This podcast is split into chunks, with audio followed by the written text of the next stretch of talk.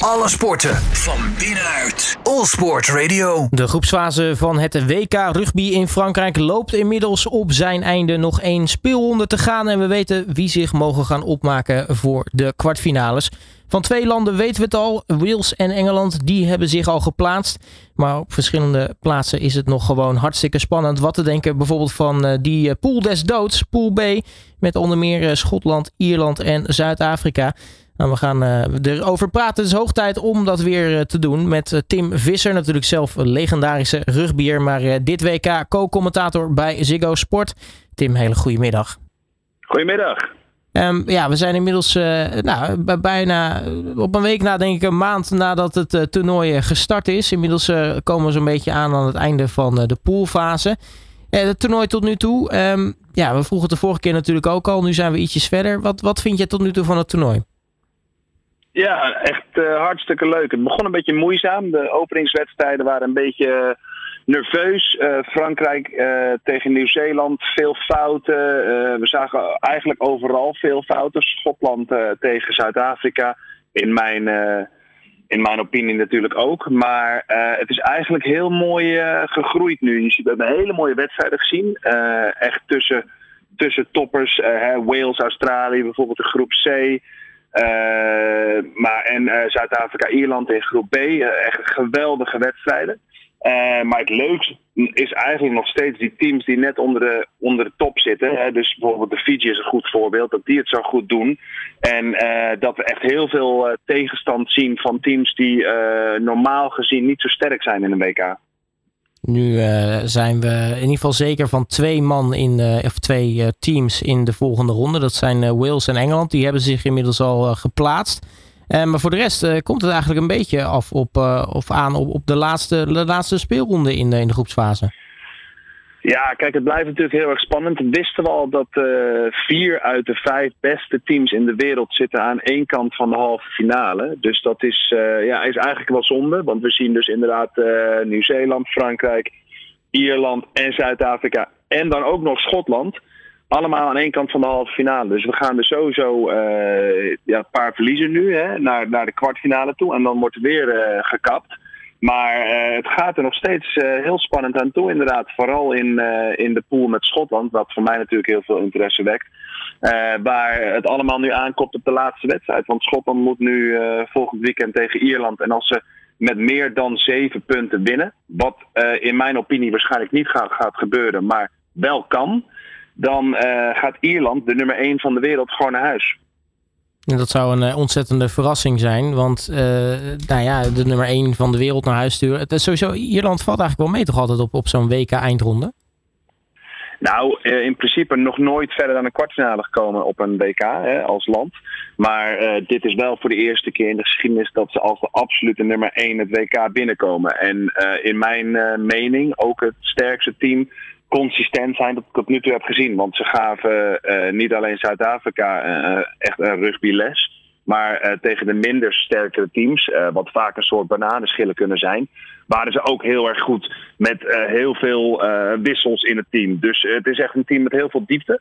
En het is een team dat heel goed gecoacht is. en het is een team dat ook op verschillende manieren kan winnen. Want tegen Zuid-Afrika bijvoorbeeld hadden ze maar heel weinig balbezit. En met dat hele weinig balbezit benutten ze wel gewoon de kans en pakten ze wel gewoon de punten op de palen.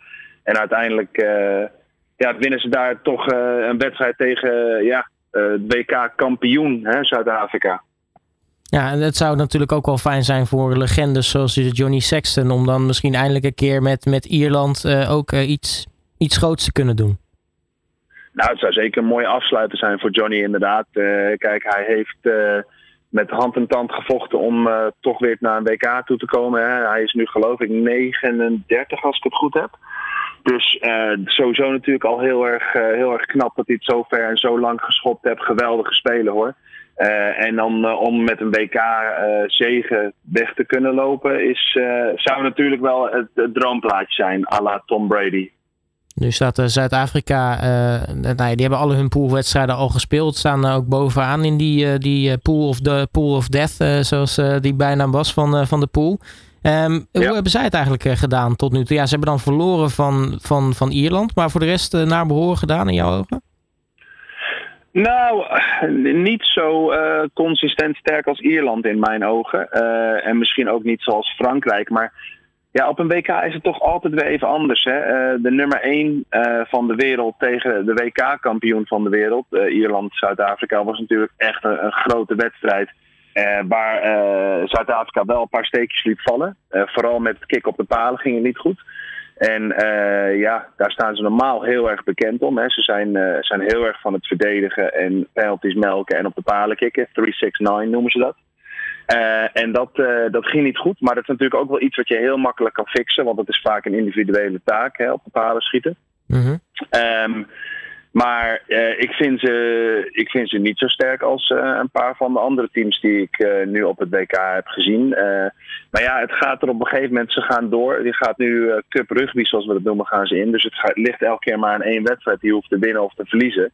Dus ja, het, het, kan met een beetje rust gaan ze nu die kwartfinales in. Kan het maar weer helemaal omslaan. Dat ze heel sterk nu die loop naar, naar die finale toe gaan nemen. Dat weet je niet. Maar ja, het jammer is nog steeds aan, aan die kant van, van de halve finale dat waarschijnlijk Zuid-Afrika Nieuw-Zeeland tegenkomt.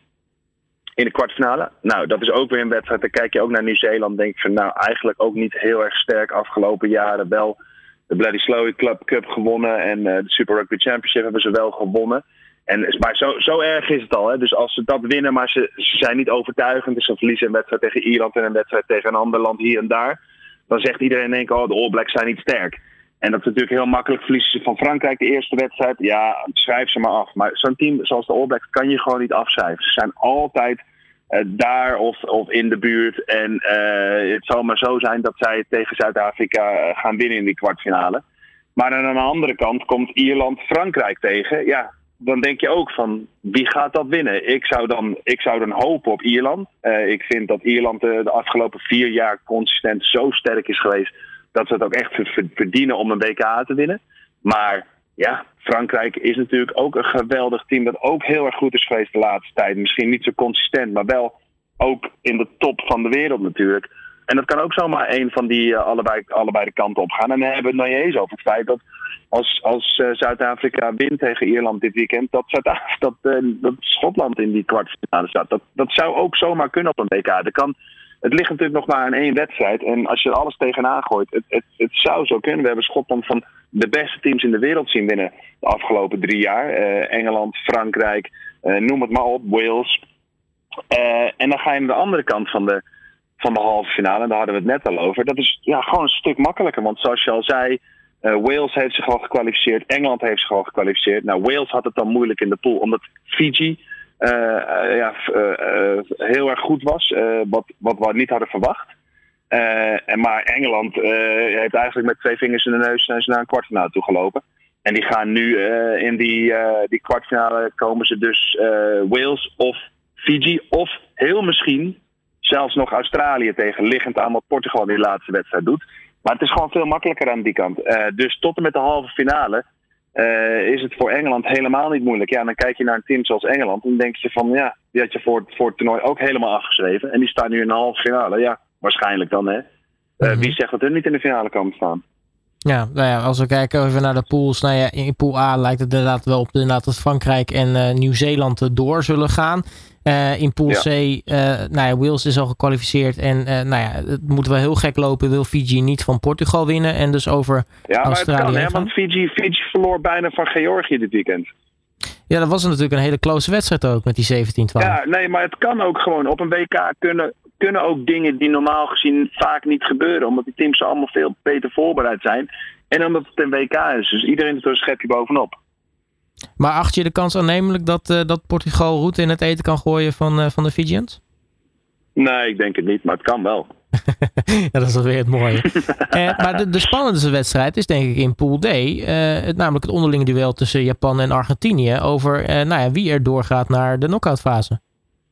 Ja, in D, ja, ja, ja, ja. Dan heb je ook nog inderdaad aan die kant van de draw, uh, nou ja, je zou denken Argentinië. Maar Argentinië is eigenlijk nog niet heel erg overtuigend geweest dit WK. Wat ze normaal op een WK wel zijn.